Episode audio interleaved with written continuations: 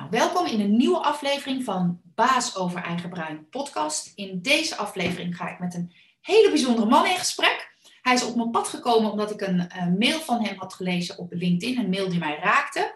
Het ging dus over uh, een bericht waarin een jongen had gemeld, volgens mij aan de politie, dat hij thuis een onveilige situatie had. En, uh, oh, is dat jouw piepje of mijn piepje? Ja, sorry, dat is mijn piepje. Ik ga dus in gesprek met Reinier.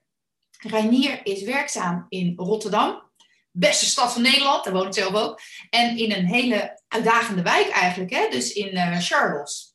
Ik had altijd een beetje moeite met Charlotte. Toen ik hier kwam wonen, zei ik nog Charleroi. Ging ik dat op het Frans uh, uitspreken, maar het is gewoon Charles, hè, geloof ik. En uh, nou, ik heb natuurlijk al een voorgesprek met je gehad en ik was zo door je geraakt. Want ik heb bij jou echt het gevoel dat je bent dus in zo'n uitdagende wijk aan de slag. En je doet dat met zoveel passie en compassie voor die kinderen en hun ouders. En uh, ik dacht, wij moeten met elkaar in gesprek. Dus vandaag welkom Reinier en fijn Dankjewel. dat je tijd hebt vrijgemaakt om met mij in gesprek te gaan.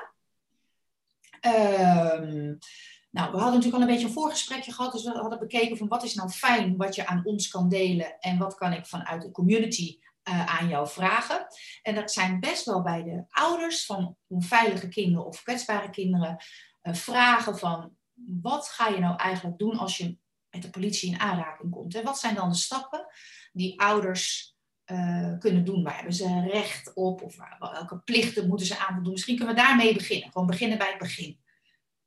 Ja, nou, ik ben uh, inderdaad Reinier de Groen. En ik werk dus op, uh, op Charlo's. Charlo's. Charlo's. Zo.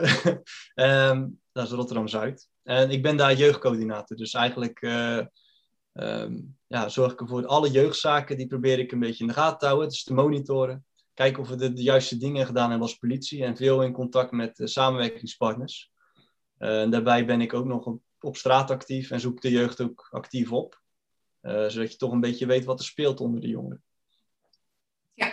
Oké, okay, nou, het, uh, het, voor mij vroeg jij naar Veilig Thuis, hè? Dat was een beetje jouw... Uh, ja, eigenlijk had ja, meerdere vragen. Van, uh, dat Veilig Thuis, ik weet in ieder geval dat het voor ouders heel intimiderend is als je daarmee te maken hebt. Uh, ik heb daar zelf uit eigen ervaring ook één keer mee te maken gehad. Gelukkig is dat niet heel erg ver doorgezet, maar er kan dus een anonieme melding komen naar Veilig Thuis. En dan krijg je wel een, ja, een, een pad wat voor je uitgelegd wordt. Hè. Er worden dus allerlei acties ondernomen die voor ouders best intimiderend kunnen zijn. Ja, ja het is zo dat je um, op het moment dat er een melding gemaakt wordt bij Veilig Thuis, dan mag je die ook altijd inzien. Dus um, op het moment dat jij uh, dat er een melding op gemaakt wordt, dan mag je precies zien wat die melding dan ook is. En um, de ouders moeten ook in kennis gesteld worden. Dus op het moment dat wij bijvoorbeeld een melding maken, moeten wij ook tegen de ouders zeggen dat we dat gaan doen.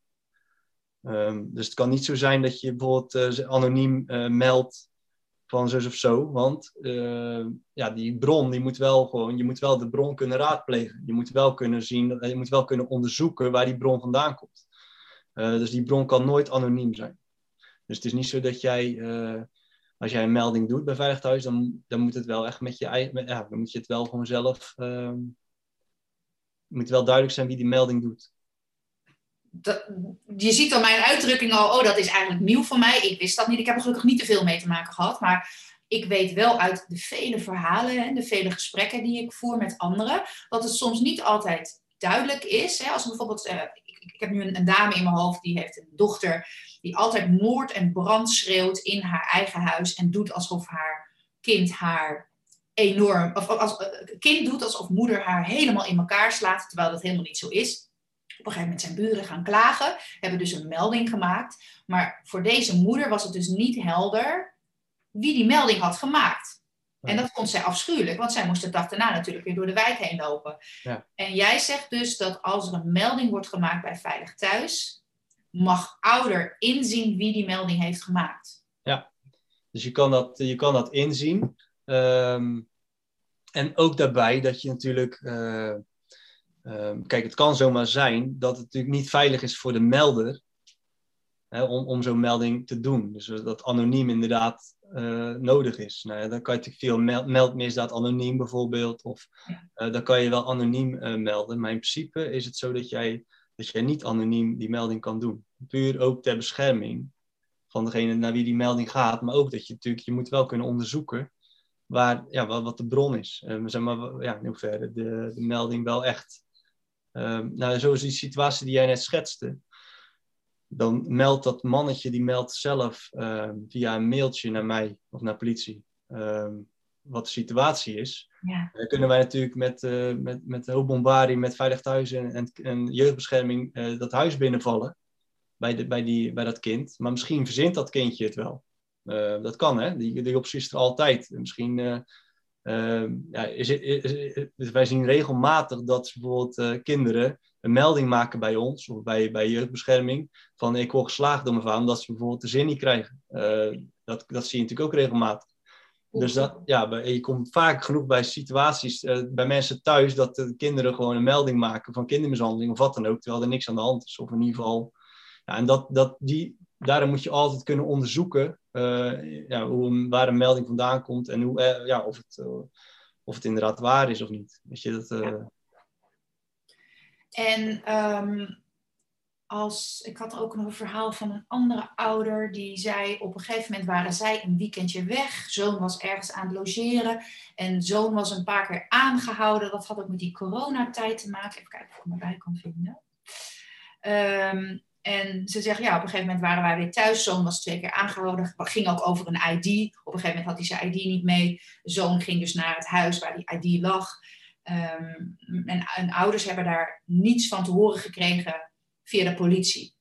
Hoe zit dat wettelijk? Als een minderjarige wordt aangehouden, uh, hij heeft geen bekeuring of wat dan ook gekregen, maar had steeds zijn ID niet mee. En hij, had, oh, hij was aan het samenscholen en dat mocht natuurlijk niet uh, met corona. Hoe, is, hoe, zit dat dan in, uh, hoe zit dat dan in elkaar? Waar hebben ouders recht op? Waar hebben jullie, ja, wat zijn jullie rechten? Plichten, ja. Ja, rechtenplichten, ja ja, als, als politie en wij houden een jongere aan, een minderjarige aan, dan moeten wij zeg maar, dat melden aan de ouders. Of een van de ouders in ieder geval. Wij moeten zeg maar, de ouders in kennis stellen van uh, het feit dat hij aangehouden is, dat wij zijn vrijheid hebben ontnomen. Uh, op het moment dat hij een bekeuring heeft gehad, dan hoeft dat niet. Dus wij, wij zijn niet verplicht als wij een minderjarige een bekeuring geven, uh, oh. om dat te doen. Hè, dus, dat, en vaak doen we dat wel, hè, dus dat we even de ouders bellen, want je wil ook kijken van oké, ehm, ja, met wie hebben we te maken? Wat zit erachter? Um, maar ook, we weten ook wel dat jongeren thuis niet alles vertellen.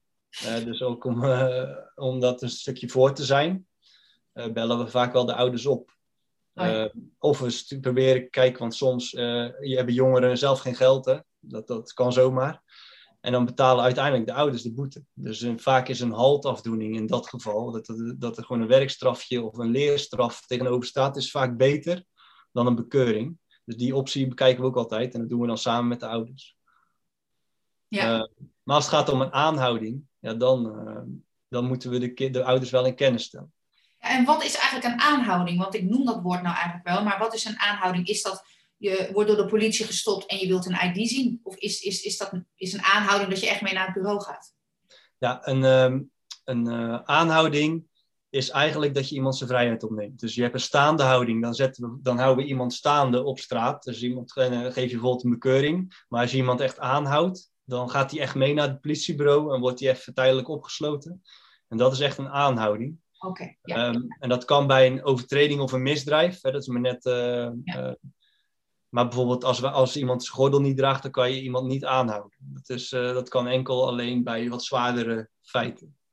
Ja, maar hoe noem je dat dan? Dan, dan, dan stop je alleen iemand en vraag je naar Staande houding. dat is, staande zeg maar, houden. Oh, staande ja. houding is zeg maar bij een bekeuringssituatie. Of, uh, en een aanhouding is echt als je iemand uh, echt meeneemt naar het bureau.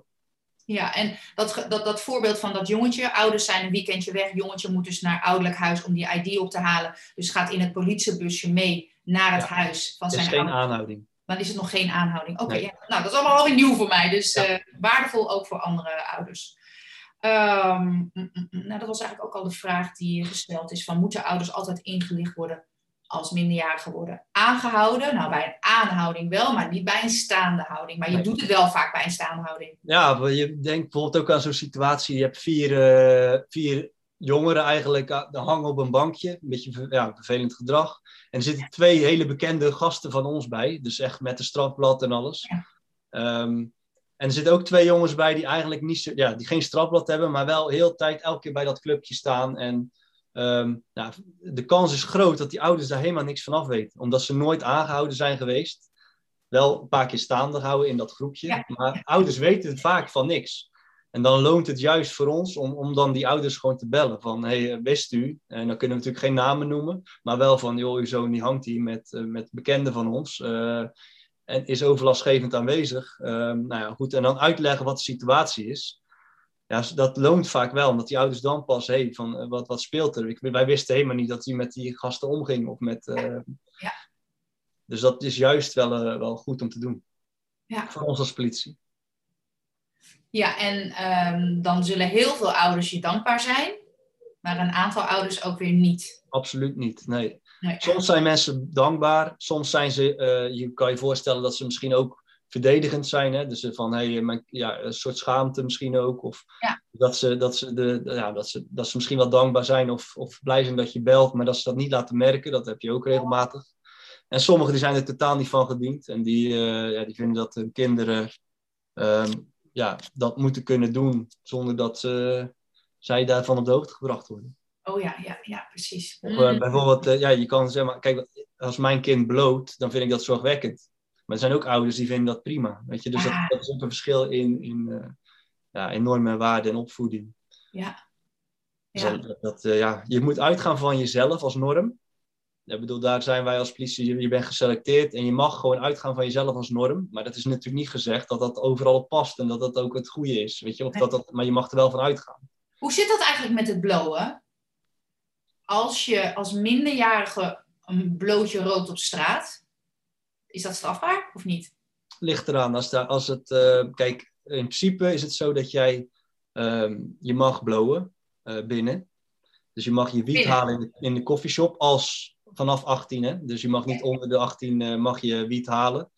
En vervolgens als jij dan op straat je drugs bij je hebt, en want je moet toch een keer van die koffieshop naar huis toe. Ja. ja. dan, dat is dat grijze gebied. Dan mag je eigenlijk mag je daar geen, je mag geen drugs op zak hebben.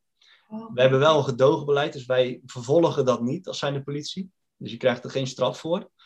Alleen, uh, ja, in principe kunnen we het gewoon wel in beslag nemen. Op het moment dat ze staan te blowen, dan hebben ze dus eigenlijk ook gewoon een bezit. Alleen het, het staan te blowen en je bent eigenlijk niemand tot overlast, daar hebben we geen uh, ja, feit waar we voor kunnen schrijven. Dat was vroeger wel, maar dat is eraf gegaan.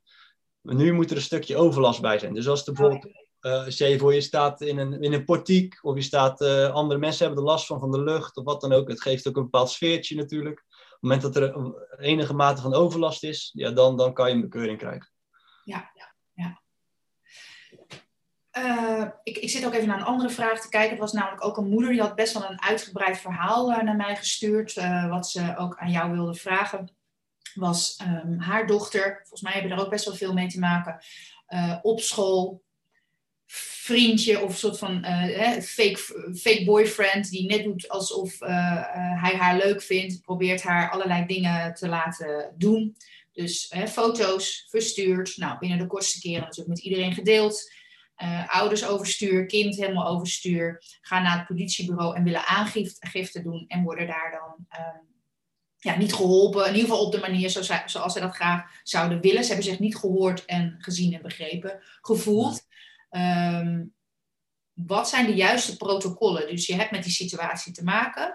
Hoe kun je nou op de juiste manier aangifte doen of een traject starten? Of waar, waar moeten ouders heen als ze hiermee te maken hebben? Dit was een heel naar verhaal. Ja, het is niet goed gegaan. Dat zien we heel vaak helaas. Um, en ik denk dat het ook, het, het, probleem is natuurlijk groter dan alleen dat wat, wat er gebeurt. Het is vaak zit het probleem ontstaat, of de oorzaak ontstaat daar ver voor al. Dus een stukje uh, veiligheid op internet. Weet wat je kind doet op internet. Weet wat het aan het doen is. En dat wordt steeds moeilijker naarmate de kinderen ouder worden. Want ze gaan hun eigen leven creëren. En wij denken, hey, ze zitten veilig op de bank.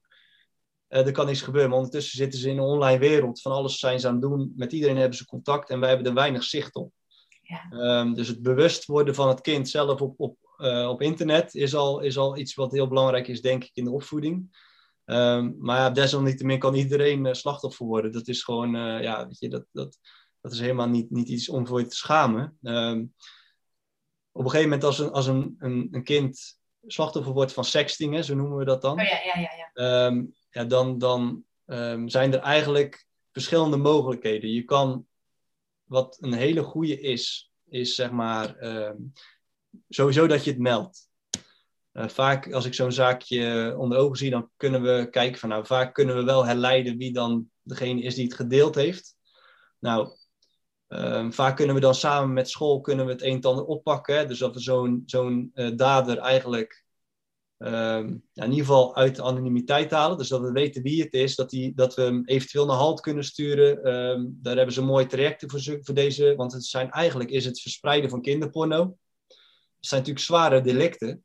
Alleen omdat het minderjarigen onderling zijn, wordt er natuurlijk anders naar gekeken door een uh, openbaar ministerie. Um, dus dan kunnen we echt wel, we kunnen echt wel dingen doen. Uh, maar soms is het ook zo dat je gewoon niet weet wie het is.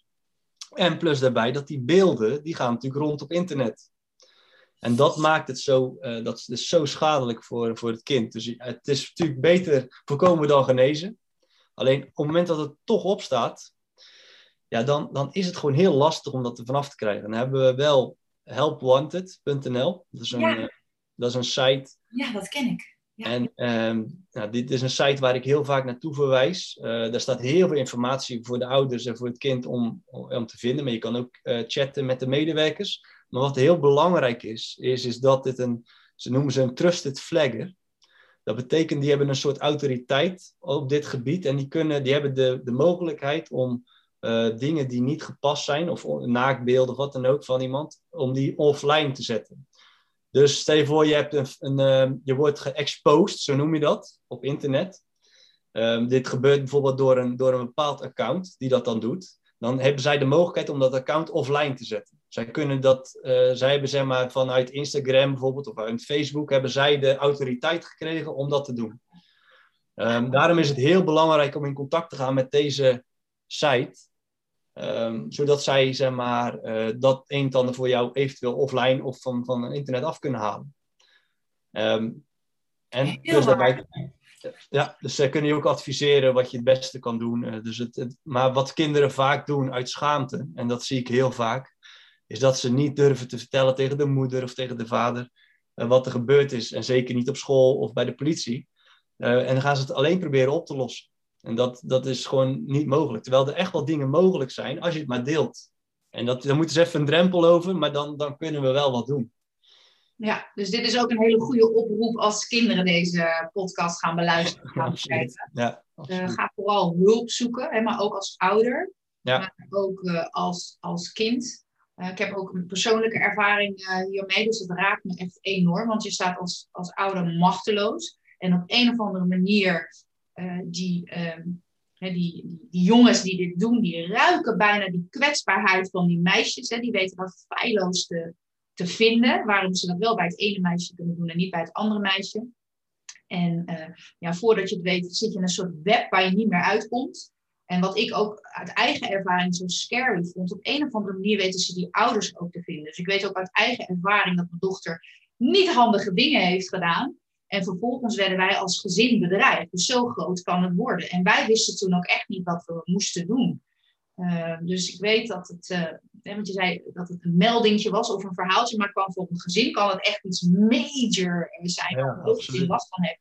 Want je bent ook heel makkelijk te vinden opeens. Ja, en, kan ook, en er kan ook uh, chantage bij komen. Hè? Dus op het moment dat ja. jij natuurlijk, zij hebben een machtsmiddel. En zij gaan jou, ik doe het in de klas tijdens voorlichting ook wel eens, van joh, ehm, ik heb nu jouw foto. En dan ga ik gewoon spelen als de dader. Oh ja. Van oké, okay, uh, hier, uh, ik heb jouw foto. Als jij mij 20 euro betaalt, dan, dan verwijder ik hem. Zou je dat doen? En dan ga ik gewoon elke keer echt de druk op het kind leggen. En je ziet, ze gaan maar gewoon betalen. En dan zeg ik, nou, 20 euro, oké, okay, dankjewel. Ja. Maar nu maak ik er 50 euro van. En je blijft maar macht uitoefenen. Ja. Omdat um, ja, de, de schaamte is zo hoog. En dat is juist wat het enige wat ze hebben. Dat is dat, dat pressiemiddel. Dus uh, daarom moet je nooit betalen. Maar dat, dat is natuurlijk, dat ga, je denkt van ja, laat ik maar betalen, want dan, dan, dan ben ik er vanaf. Maar dat ja, stopt niet, namelijk. Ja. stopt niet. Nou, bij ons waren ze dus bij ons terechtgekomen, of in mijn situatie waren ze dan bij het, het papa en mama terechtgekomen, want ze dachten misschien dat dat is een grotere zak geld. En uh, dat was echt heel zwaar. En moet je eerlijk toegeven, ook dat in die periode heb ik ook niet hulp gezocht bij de politie. Uiteindelijk wel bij die uh, Wanted, hè, wat die site hier Help Wanted, ja. Help Wanted. Um, en uiteindelijk is het met een sisser afgelopen, maar voor hetzelfde geld stond het ook overal natuurlijk. En dan, ja, dat krijg je er dus gewoon haast niet meer af. En het is voor een heel gezin is dat heel, uh, ja, een hele nare, nare situatie. Er blijft nog wel iets bij me hangen, uh, nu we het hier over hebben. Uh, als dit gebeurt, moeten ouders dan ook echt een aangifte doen bij de politie? Is dat belangrijk om dat te doen? Of zeg je van ja, dat heeft niet echt heel veel zin? Ja, zeker wel. Kijk, eigenlijk is het zo dat je aangifte, dat is eigenlijk de, de, het verzoek dat wij een onderzoek gaan starten. Dus op het moment dat je dat verzoek niet doet, dan doen wij ook geen onderzoek. Dus aangifte is je start. Op het moment dat jij zegt van, joh, er is me iets aangedaan als slachtoffer. Uh, ik wil dat jullie dit, dit gaan onderzoeken. Dan gaan wij onderzoeken. En uiteindelijk gaat die, die, die zaak gaat dan naar, naar het Openbaar Ministerie en dan wordt, die, uh, wordt er een klap op gegeven. Oh, ja. um, op het moment dat je een melding maakt, want vaak denken mensen, oh ik maak een melding bij de politie, uh, dus ik ga naar het bureau en ik vertel het verhaal aan de, mevrouw aan de, aan de balie, zij zet het bij ons in het systeem, dan weten wij ervan, maar in principe gebeurt er dan niks. Wij gaan niet actief onderzoeken um, ja, wie er verantwoordelijk is voor die. Uh, dus een melding is handig op het moment dat jij bijvoorbeeld uh, wil dat wij iets weten, voor, als er in de toekomst bijvoorbeeld iets gebeurt, dat wij alvast weten wat er aan de hand is, wat de context is. Um, maar als je echt wil dat wij iets gaan doen, en dat wij ook iets kunnen doen, ja, dan, moet je, dan moet je aangifte doen. Nou, dat is ook al heel waardevol. Hè? Dus een melding maken is iets anders dan aangifte doen. Ja, absoluut. Ja. En er was ook een beetje verwarring in de, in de verhalen die ik had gekregen van wanneer doe je nou op de juiste manier aangifte. Die ouders van dat meisje die dus echt seksueel werd ge geïntimideerd, hoe noem je dat? Um, die gingen dus in oversturen toestand naar het politiebureau, want we gaan aangifte doen. En toen zijn ze eigenlijk weer naar huis gestuurd. Nee, dan moet je een afspraak maken of online aangifte doen. Hoe zit dat? Ja, uh, bij sommige feiten kan je online. Dus stel je voor je fiets wordt gestolen, dan kan je online oh ja. uh, aangifte doen. Je kan het in ieder geval altijd proberen, want op het moment dat hij, als het niet kan, dan zegt de online zeggen ze van nee, dit kan niet, maak een afspraak. Oké, oh, oké. Okay. Um, als er bijvoorbeeld een bekende dader is of iets dergelijks, dan, dan, dan moet je gewoon naar het bureau komen om een aangifte te doen. Uh, maar soms kan het en dan is het gewoon puur eigenlijk voor jezelf makkelijk. Is het ook misschien vaak alleen voor de verzekering. Uh, waar hebben we voor aangifte gedaan. Maar, maar um, in principe, op het moment dat die aangifte online kan niet, dan moet je naar het bureau komen en dan ga je daar in gesprek met een Bali-medewerker van de intake service. En die, maakt, die zet alles op papier en dan teken je krijg je één exemplaar mee naar huis. En de andere gaat gewoon richting uh, de opsporing, hè, die dan met de zaak aan de gang gaat. Ja. Maar als ik jou nu zo hoor, hè, en vooral hoe jij het doet, is dat je ook echt gewoon met de ouders gaat kijken van als er een bekende dader is, hoe kunnen we in ieder geval met hem ook aan de slag? En wellicht ook iets met, met bureau HALT, dat hij daar is. Ja, er zijn, kijk, er zijn opties mogelijk, of uh, legio uh, opties zijn er. Want er zijn wat, eigenlijk, uh, wat ik nu vertelde is eigenlijk bazaal wat er, wat, hoe het politieapparaat werkte. Dus we hebben aangifte, we gaan onderzoek doen en uh, dat. Um, maar het is ook een heel stuk grijs gebied. Soms heb je natuurlijk niet genoeg bewijs, heel vaak zelfs, dat je niet kan bewijzen dat iemand verantwoordelijk is voor iets. Um, ja. Dat, dat komt vaak tegen. Dat kom je gewoon vaak tegen. En dan wordt een zaak geseponeerd en dan, ja, dan stopt het. Maar uh, het probleem is niet gestopt. En daarom is het vaak zo dat wij dan ook als wijkagent of als jeugdagent proberen we een beetje in dat grijze gebied te opereren, dat je toch um, naar een oplossing kan zoeken. Dus um, ja, denk dan bijvoorbeeld aan um, alle hulpverlening die er mogelijk is in de wijk. Hè. Dus denk aan uh, jongerenwerk of,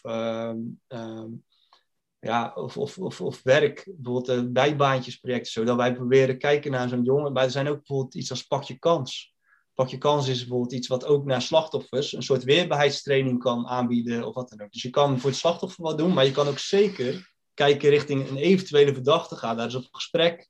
Misschien kan je dan gewoon in een gesprek, kan je in geen verdachte vorm, maar gewoon een gesprek, kan je misschien kijken van wat zit hier nou achter? Zijn de problemen rondom deze jongen? En dan kan je misschien kijken of je een jeugdcoach kan koppelen, of je kan hem misschien aan het werk helpen, of je kan toch misschien richting hulpverlening, dat er misschien in het gezin, het systeem, wat van, hè, zit daar misschien toch iets niet goed. Dat, misschien kunnen ze daar uh, de ouders ondersteunen. Misschien lopen ze wel tegen meer dingen aan. Heeft hij op verschillende leefgebieden heeft hij problemen. Dus er zijn heel veel dingen die nog mogelijk zijn. En dat is bij elke situatie is dat weer anders. Um, maar dat loont wel om daarnaar te kijken. Puur om te voorkomen dat het nog een keer gebeurt. Of dat het, um, dus ook al kan je strafrechtelijk niks, of net niks, dan kan je op andere uh, gebieden kan je nog wel van alles. En, en als ik je dan zo hoor praten, dan word ik echt helemaal blij van je. want je weet natuurlijk dat mijn doelgroep en mijn kinderen uh, vaak ook hele lastige kinderen zijn. Op een gegeven moment ook een beetje gewoon irritante kinderen zijn. Of gewoon richting criminaliteit gaan. Ik hoor jou echt zeggen, hè, dus de, uh, natuurlijk als je het zelf meemaakt als slachtoffer is dat gruwelijk en vreselijk. Um, en dan is het heel makkelijk om die dader alleen als dader te zien. Maar ik hoor jou ook zeggen van laten we in, in het daderschap ook onderzoeken van hoe die komt tot zijn daad. En, en, daarom ben ik ook zo blij van onze eerdere gesprekken. Want ik denk dat daarin dus de sleutel uh, ligt. dus alleen maar strenger uh, straffen, langer straffen, nog strenger tegen ze doen. Dat hebben ze misschien al in die thuissituatie jarenlang gehad. En daar zijn ze helemaal niet meer vatbaar voor.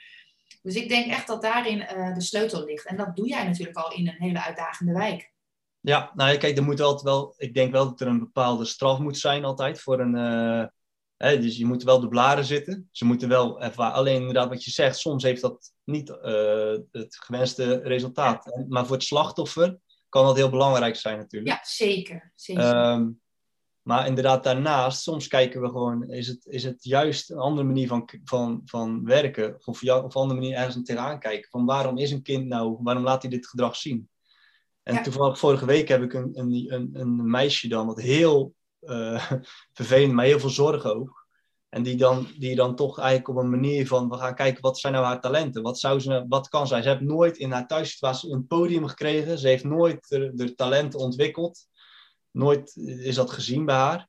En laten we nou eens kijken van wat zij wel graag zou willen en wat ze kan. En daar haar groot in maken. Kijken of we dan op die manier haar weg kunnen houden uit die, uit die problemen. Ja. ja. En, dat, en, dat, en is dat net gestart, dat uh, traject? Dat is net gestart. Oh, en, ja. Um, ja, en, als kijken, en dat is een, natuurlijk een mooi verhaal wat ik hier nu ophang. Maar wat in de praktijk vaak is, is dat het met ups en downs gaat. Dus ja, je trekt zo iemand naar binnen, ze zijn enthousiast en een maand later gaat het weer verkeerd. En wat doe je dan? Laat je los? Of ga je, ga je toch proberen weer verder te gaan? Weet je? Dus uh, ik geloof ook echt op het moment dat je op die manier investeert in jongeren, dat je uiteindelijk dat het je dingen oplevert. Je kan zeggen van nou daar steken we geen tijd meer in. Dat, dat, dat, dat, dat, dat kan. Dat kan je bij sommigen ook echt wel doen.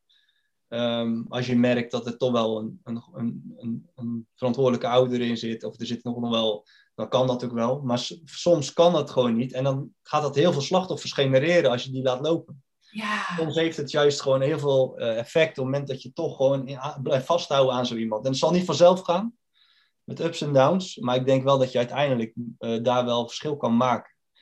Um, en dat kost soms heel veel inspanning van, van partners, van politie. Um, maar dat loont wel, denk ik. En het is heel, soms heel frustrerend als je moet wachten tot iemand wat verkeerd gedaan heeft. Oh, totdat, je, totdat je wat kan. Je moet soms wachten totdat iemand echt een zwaar delict pleegt, voordat je echt pas iemand kan, met dwang kan gaan sturen. Het zou zoveel mooier zijn als je uh, kracht in iemand kan vinden voordat dat allemaal gebeurt en dat hij uit zichzelf het goede pad op gaat. Want als jij nou zeg maar de de hoofdagent zou zijn van Nederland. Hè, en jij, jij mag jouw ideale situatie schetsen. Wat zou je dan voor die kwetsbare jongeren anders in gaan zetten of veranderen? Nou, op zich is er al heel veel mogelijk. Dat, dat, dat, dat, dat is het probleem niet zo. Um, ik denk dat heel veel jongeren eigenlijk um, niet gezien worden. Dus op het moment dat we er, er, zijn echt genoeg hulpverleningsinstanties, alleen vaak bereiken, ze, bereiken we die jongeren, die krijgen we niet daar waar ze horen. Um, en dat komt omdat we het niet signaleren. Dus mijn, als ik politiebaas zou zijn, ja? dan zou ik, zou, ik een, zou ik nu bijvoorbeeld een wijkagent, en we hebben wat specialisten rondlopen, maar ik zou um, een wijkagent zou ik ondersteunen met veel meer wijkagenten. Dus gewoon een wijkteam, zoals we vroeger eigenlijk hadden, maar door de bezuiniging zijn we heel veel ja wijkmensen kwijtgeraakt, maar dat je eigenlijk een klein gebied hebt met gewoon een team. En die eigenlijk van bijna alle mensen uit dat wijkje, dat ze die kennen, dat ze de signalen snel oppikken, maar dat ze veel meer in die, in die wijk, maar ook gewoon positieve projecten, dat ze daarbij aan kunnen sluiten, maar veel meer samenwerken met, met, met jeugdpartners, met andere partners in de wijk. En dat er eigenlijk, daar hebben we heel veel, uh, ja, heel, heel veel verlies geleden eigenlijk qua capaciteit. En dat zou ik wel weer opbouwen. Dus het wijkteam, het is vaak niet meetbaar, hè? want wat, wat doet een wijkagent nou? Wat, uh, maar uh, ja, ik denk dat dat echt onmisbaar is als het gaat om, uh, om het signaleren van, van zorgwekkende signalen. Ja. ja. En dan met de juiste hulp, hè, met die instanties die daar echt voor geleerd hebben, die er echt van, om ze daarmee daaronder te brengen eigenlijk. Ja. Ja, want dat is ook een gedachte die mij naar boven komt. En ook al tijdens onze eerste gesprekken. Wanneer, is het, wanneer valt het nog onder de noemer agent, agentactiviteit? Of wanneer wordt het meer social work? Hè? Dat, dat, ja. dat kan me Nee, dat, is- het steeds groter wordt. wij, wij moeten inderdaad ons echt richten op onze eigen taak. Hè? Gewoon het politiewerk. Maar wij moeten wel zorgen dat er, ehm, als wij dat alleen zouden doen, dan gaat er iets niet goed. Dus op het moment dat wij natuurlijk gewoon aangifte, u doet aangifte van, hup, eh, eh, ik zeg maar wat, sexting. En wij, wij kijken, oké, strafrechtelijk eh, gaan we onderzoek doen. Nou, is het niet helemaal gelukt, klaar, kom. Dan, en dan stopt het. Dan stopt het probleem natuurlijk niet. Het kind is beschadigd. Er zitten heel veel problemen. Die jongen, die dader loopt nog ergens vrij rond. Als het op die manier zou werken. Wij moeten kijken welke signalen zijn er. wat zit er om het slachtoffer? Wat zit er om de verdachte? En wat, welke hulpverleningsinstantie zou daarbij kunnen helpen? Kan daar ondersteunen? Kan daar een stukje angst wegnemen? Of wat dan ook. Dus vaak heb je ouders die dat niet alleen kunnen. Dus die, zien, die weten niet wat er allemaal mogelijk is. Dus, en daar moeten wij kijken van, oké, waar kunnen we het signaleren en doorverwijzen naar degene die dat goed kunnen. Op het moment dat ik weet van, hey, het zit nu op de goede plek, het is ondergebracht bij een goede hulpverlener, dan kan ik het loslaten. En dan kan ik door naar de volgende. Maar da daar zit onze rol, denk ik. Ja. Ehm, maar inderdaad, wij moeten niet zelf gaan behandelen of wat dan ook, want daar zijn we gewoon niet voor opgeleid. Dus dat, eh, Nee. dat is niet onze kracht. Nee, nee het, ik heb echt wel eh, door onze gesprekken heel veel bewondering eh, voor je vak gekregen. Het is niet, het is niet makkelijk in deze tijd, denk ik. Hè? En hoe lang doe jij dit werk nu al? Ik doe dit nu 14 jaar. En, en in die 14 jaar heb je daarin veranderingen in opgemerkt? Dat het steeds lastiger... Ik heb, hoor je natuurlijk over die bezuinigingen hebben, maar eh, dat het ook eh, de manier van werken en de maatschappij, hoe die verandert, dat het, dat het voor jou ook steeds lastiger of uitdagender of juist mooier is geworden? Nou, het is, het is eh, absoluut uitdagend. Weet je wat het is? Ehm, eh, door de bezuinigingen die, die er ge- gedaan zijn, is de structuur of de hele, de hele organisatie is veranderd. Dus waar ik vroeger, toen ik begon bij de politie, hadden we inderdaad die wijkteams, wat ik net vertelde. Ja, Ehm, maar die zijn inmiddels, is er nog één wijkagent voor een heel gebied. En dan moet eigenlijk ehm, dat wijkteam wat er vroeger was, dat moet nu vanuit de noodhulp gestuurd worden. Noodhulp is zeg maar de 112-melding en zo. Dus op het moment dat, dat wij bijvoorbeeld zeggen van nou, we gaan in de wijk wat doen, dan moeten diezelfdegenen die ook de noodhulp doen, die moeten dat dan doen. Ja. ja dat, dat, in mijn beleving is dat te weinig. Weet je? Dat je, je moet daar gewoon de volle aandacht elke dag weer voor hebben en niet ehm, gecombineerd met 112-meldingen. En, want dat, dat, in een gebied waar ik werk is dat zo een hoge druk. Dat gaat achter elkaar door met 112-meldingen. Dus dan, wat het eerste dan bij inschiet is het wijkwerk. Want dat kan wachten. Dat zijn dingen die, die eventueel later kunnen. Dus dat, wat je in deze opzet, eh, gaat het wijkwerk als eerste gaat eraan. En dat is gewoon, ehm, ja, dat maakt het steeds uitdagender. Je moet steeds meer, ehm, ja, je moet steeds meer samenwerken met je partners. Maar ehm, ja, je mist ook dingen. Dus je gaat gewoon dingen zien- minder, eh, minder goed zien in de wijk. En, en dat, dat is gewoon heel zonde. Dat, maar dat moet, hoop, dat moet hopelijk in de toekomst gaan veranderen. Ehm, laten we dat hopen. ja zeker. Ja. Ik zie dat we al heel wat eh, minuutjes volgepraat hebben. Dus ik wil je ook vragen, wat wil je zeker aan kijkers en aan luisteraars meegeven in deze podcast? Ja, wat- eh, omdat natuurlijk veel ouders zijn. Hè? En misschien ouders ook met, ehm, met, met jongeren die ook in de problemen zitten. Of waar, gewoon problemen waar ze tegenaan lopen.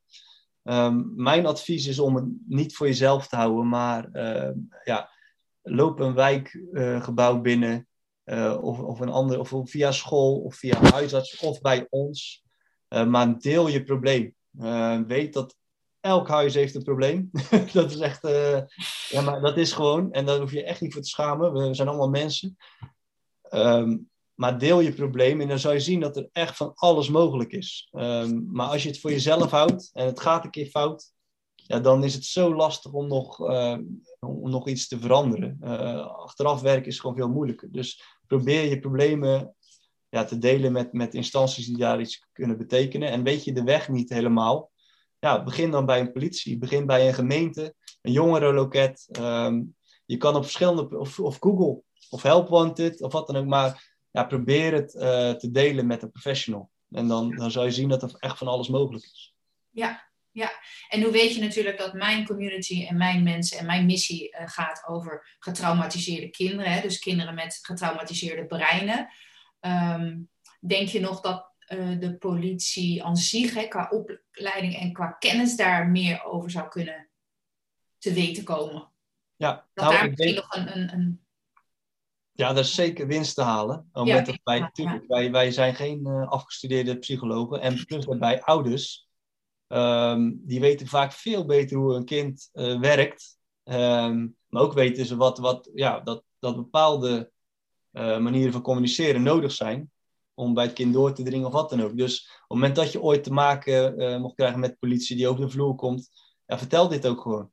Dus uh, eventueel neem een politieagent even apart en leg hem uit van, joh, dit, dit, is, dit is de manier waarop je met hem moet praten. Uh, ga even een stukje met hem wandelen of wat dan ook. Maar betrek die politie erbij en zie het als een bondgenoot. In plaats van iemand die als een vijand binnenkomt en ja. probeert je kinderen weg te nemen. Want dat is absoluut niet waar. Hè? Dus uh, um, ook als wij bijvoorbeeld VT-meldingen maken, veilig thuismeldingen, dan is het echt niet zo dat gelijk de kinderen uit huis gehaald worden en... Um, uh, wat ze eigenlijk doen is gewoon, we, doen gewoon een hulpaanbod. Tenminste, dat doet Veilig Thuis dan. Van, joh, dit is wat wij u aan kunnen bieden in deze situatie. En mijn advies is om daar ook gewoon open naar te kijken van, ja, kunnen we hier inderdaad iets mee? Is het, is het voor ons inderdaad iets, iets wat, waar we wat mee kunnen? Probeer het niet te zien als zijnde uh, ja, een, een, manier om kinderen af te pakken, want dat is echt het laatste wat we willen. Uh, daar word ik het echt niet beter van. Nee, dat is goed dat je het zegt. En nu sta ik natuurlijk eigenlijk ook aan de andere kant bij die ouders. En ik moet je eerlijk zeggen ook dat als er een politieagent aankomt, helemaal met dat busje en dat uniform, dat het toch intimiderend overkomt. Hè? Dus over, of over kan komen. Zijn ja. jullie je daar ook van bewust? Absoluut, ja. Oh, oh toch wel. Nee, maar kijk, zeker in een, in een, in een uh, zwaar gebied als Charloes, hè, dat is gewoon een, een hele hoge meldingdruk. Dat betekent dat wij uh, echt met heftige dingen te maken krijgen. Dus veel vuurwapens, veel uh, geweld. Dat betekent ook dat het iets doet met de collega's. Dus ja. op het moment dat wij um, heel de dag door in, in zulke soort meldingen zitten, dan betekent dat je ook kort en direct wordt. Puur voor je eigen veiligheid en van je collega, maar ook voor die mensen zelf. Ja. Dus je gaat gewoon heel duidelijk en direct zijn. Dat geeft een bepaalde manier van communiceren, waardoor je als normale burger ineens in zo'n situatie komt dat je denkt van zo, hallo. En dan wil je het gewoon even op een normale manier uh, uitleggen. En daar krijg je soms geen tijd voor. Um, omdat wij ja, gewoon heel scherp, heel kort werken, puur voor de veiligheid. Maar ook, je hebt niet altijd de tijd om het uit te leggen. En dat is niet goed van ons. Um, maar dat is ook wel zo ontstaan door, door het gebied waar we in werken. En dat zou, dat zou je op verschillende plekken zo zien. Um, ja, dus ik snap heel goed dat dat beeld bij de van de politie zo ontstaan is. Maar ja, was, er was ook één vraag van een ouder die zei: en als je dus te maken hebt, zo nu en dan met de politie, hoeft niet gelijk helemaal acuut heel negatief gedrag te zijn van je kind, maar zet niet de auto bij, bij degene voor de deur waar je naar binnen gaat. Ja. Die vraagt ook echt: wil je alsjeblieft de auto om de hoek neerzetten als mijn kind weer iets heeft uitgeproten? Ja, ik snap die heel goed. En dat is natuurlijk als je de 112 meldingen, uh, de mannen die, daar, die komen dan aan de deur. Ja. En die willen, stel je voor, er komt daarna een melding, terwijl ze daar met het kind in gesprek zijn van een reanimatie. Dan willen ze zo snel mogelijk weer bij die auto zijn. Oh, om ja. daar naartoe te kunnen. Dus de auto een stuk verder zetten, dat is vaak niet de eerste keuze. Oh, Kijk, kom ik langs en ik heb dan zeg maar geen, geen meldingen druk. Ja, dan kan ik inderdaad, hou ik daar rekening mee, zet ik de auto een stukje verder. Oh, ja, ja. Um, en vaak is het ook iets wat, wat, kijk, de buurt, als je een beetje een buurt hebt die op elkaar let, dan weten ze toch wel wat daar speelt. Ja, ja. Um, dus het is, niet, het is niet altijd gezegd dat het dan ook echt geheim blijft. Ik, uh, het, het is, vaak is het meer het gevoel wat je. Ja. Wat nou ja, ik probeer ook naar jou de andere kant te belichten. Ja, dat het best duidelijk. wel, Ik snap- eh, ik hoor ik heel vaak. Hoor ik Ja. heel vaak. Oh ja, ja. Maar we komen ook wel eens in burger langs. Als dat echt een wens is, dan, gaan we gewoon, eh, dan, dan zijn we gewoon in burger gekleed. En dan eh, heeft niemand het in de gaten. Ja. Dat Ja. Ja. Maar goed, dat, dat kan je als ouder aanvragen? Of hoe, hoe zit dat dan? Nou, als je bijvoorbeeld contact hebt met een wijkagent. Oh ja, Dus stel je voor je bel 112, dan komen we natuurlijk gewoon met een bus en een uniform. Maar stel je voor dat je zegt van nou, het is niet spoedeisend. oh En ja. ik heb contact met de wijkagent. Dan kun je, kan je natuurlijk gewoon aangeven, joh, ik zou graag een keer met u praten. Maar wilt u alsjeblieft in burger komen? Of wij komen naar het politiebureau toe. ja. Kan natuurlijk ook, hè? Nou, dat is goed om te zeggen, dat, ze daar, hè, dat ouders een beetje weten hoe de wandelgangen zijn. Ja. Ja, mooi zo. En dan maak je gewoon via 0900 8844 kan je gewoon een afspraak maken met je wijkagent. En dan, eh, dan belt die wijkagent gewoon terug. En dan maakt hij een afspraak met je. Of, eh, of, of hij belt of wat dan ook. Maar dan eh, kan het zo geregeld worden. Goed zo. En om nog eventjes dit gesprek mooi af te ronden. Misschien heb je nog een persoonlijke verhaal of een persoonlijke situatie die je heel erg is bijgebleven in je werk. Dat je denkt, dit is waarom ik elke dag weer opsta en dit werk met veel plezier doe.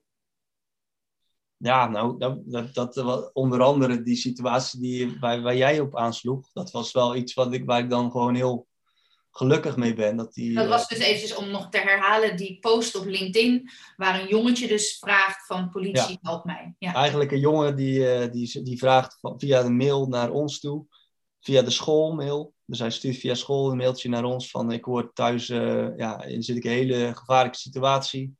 En ik, eh, ik moet voor mijn zusje, eh, moet ik zorgen, maar anders had ik er een eind aan gemaakt. Ehm, maar de situatie is niet meer houdbaar, mishandelingen, eh, elke dag uitgescholden. Nou, gewoon geen goede situatie. Nou, dan ga je eigenlijk samen met, met, de, met hulpverleningsinstanties Veilig Thuis en Jeugdbescherming zijn we gaan kijken van oké, is dit zou dit waar kunnen zijn? Nou, dan blijkt het inderdaad dat het een, een verleden heeft van zulke soort situaties. Ouders zijn niet meer samen. Ehm, eerst bij moeder eh, dit meegemaakt en nu bij vader. En, ehm, maar goed, meerdere meldingen, eh, meerdere signalen. Dus we konden ervan uitgaan dat het waar was. Nou, en dan hebben we eigenlijk een plan gemaakt van oké, dan gaan we, wachten we.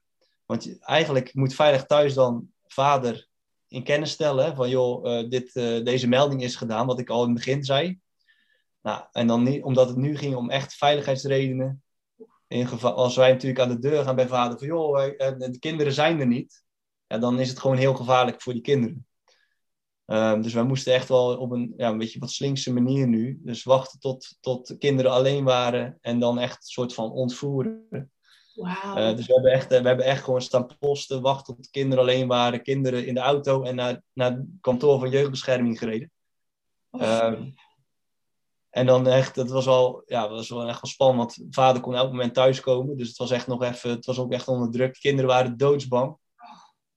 Maar op het moment dat je dan die kinderen afzet bij de jeugdbescherming en die broer die slaat echt zo de arm om, om zijn zusje heen van kom, we zijn nu veilig.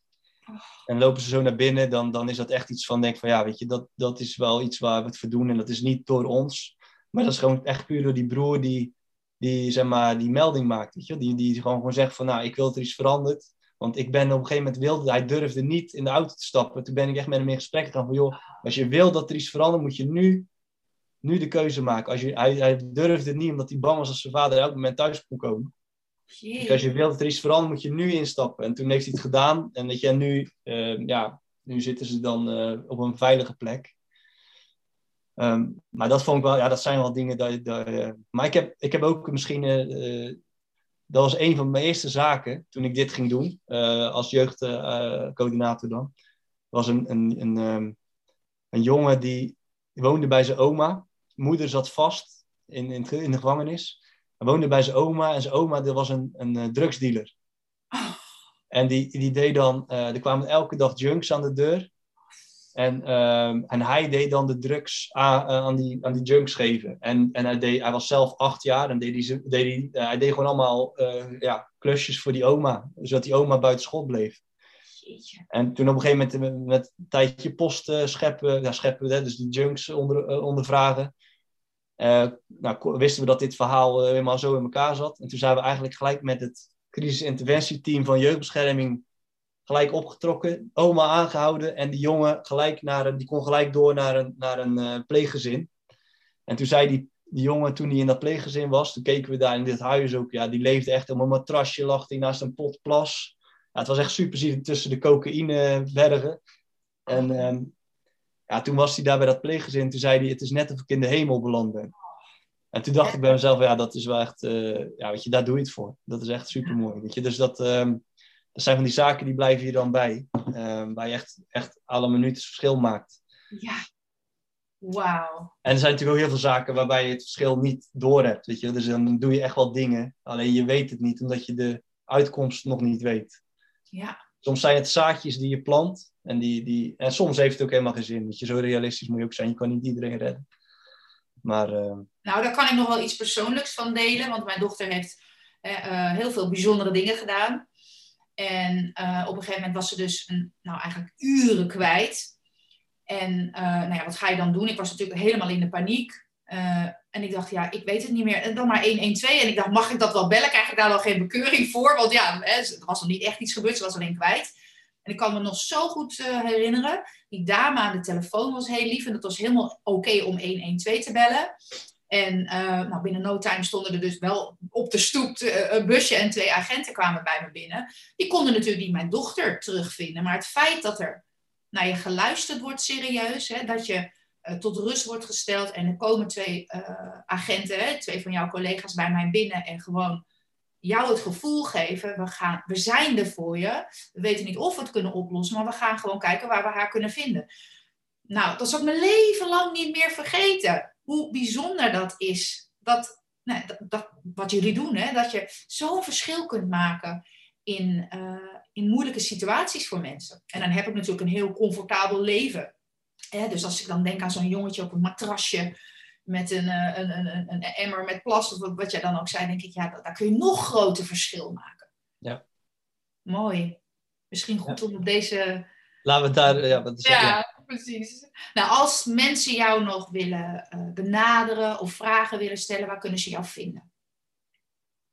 Ze kunnen, mij, uh, ja, ze kunnen mij altijd vinden. Um, uh, als ze bijvoorbeeld 0900 8844 bellen, vragen naar de wijkagent dan krijgen ze de wijkagent van hun gebied. Uh, willen ze echt met mij persoonlijk in contact, uh, dan, dan, kunnen ze vragen naar Reinier de Groen. En dan zal ik, uh, dan zal ik zullen ze mij vinden en dan zal ik terugbellen.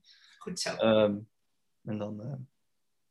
Goed, ja, ik dacht, ik, ik geef je even de gelegenheid om te zeggen waar je te vinden bent. Ja. want ik weet zeker dat je heel veel mensen nu hebt geïnspireerd. Nou, ik ga het even nu hier afronden en dan wil ik nog even persoonlijk met jou afronden. Maar vond je deze podcast interessant? Uh, neem een abonnement op mijn uh, podcast. Maakt niet uit welk kanaal je dit beluistert. Of het YouTube is, of Soundcloud, of Spotify. En um, als je dus een abonnement neemt op uh, mijn podcast, dan krijg je alle nieuwe podcasts gelijk in je mailbox. Of je krijgt in ieder geval een melding van. Wil je meer te weten komen over hechtingsproblematiek of vroegkindelijk trauma? Of misschien ben je nog in de beginfase, of misschien weet je al dat je kind het heeft. Ga dan naar als hechten niet vanzelf gaat, want ik kan je ook daarin verder helpen. Nou, dit was het einde van de podcast. En dan uh, hoor ik je weer, of dan ontmoet ik je weer in de volgende podcast. Bye bye.